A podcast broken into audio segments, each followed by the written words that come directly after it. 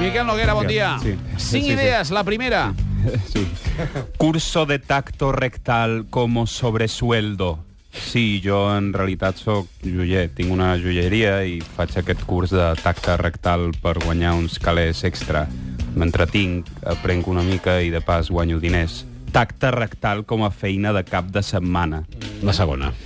Sí, eh, hem muntat un estudi de gravació professional, un, un estudi de so. Hem, hem fet una inversió molt forta en un bon equip. El local d'estudi està en un edifici intel·ligent, d'aquests paguem un lloguer bastant alt, però, però val, val la pena. No, no graven res a l'estudi. No el fan servir com a estudi de gravació.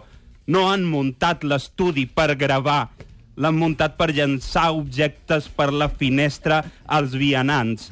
Tot és una tapadera. Estudis Es passen el dia llançant monedes a brics, bolígrafs i escopint a la població des d'un estudi de gravació caríssim. Lleig. La tercera.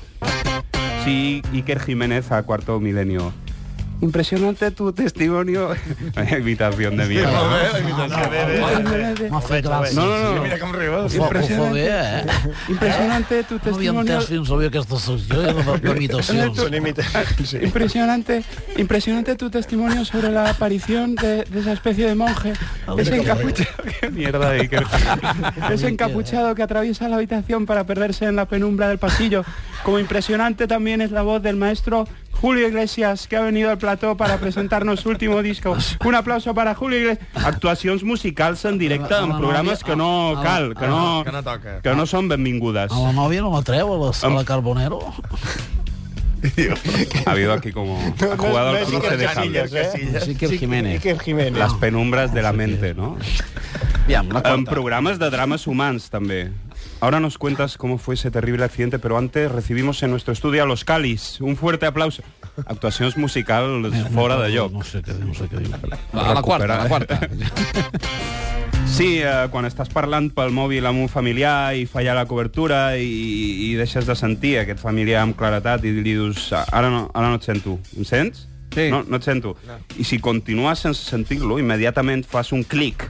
Hi ha un canvi d'actitud.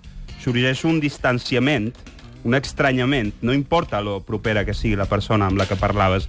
De sobte passes a dir hola, hola, com si et dirigissis a un desconegut absolut. Hola, una especie de ¿quién hay ahí? ¿Qué es esta broma macabra?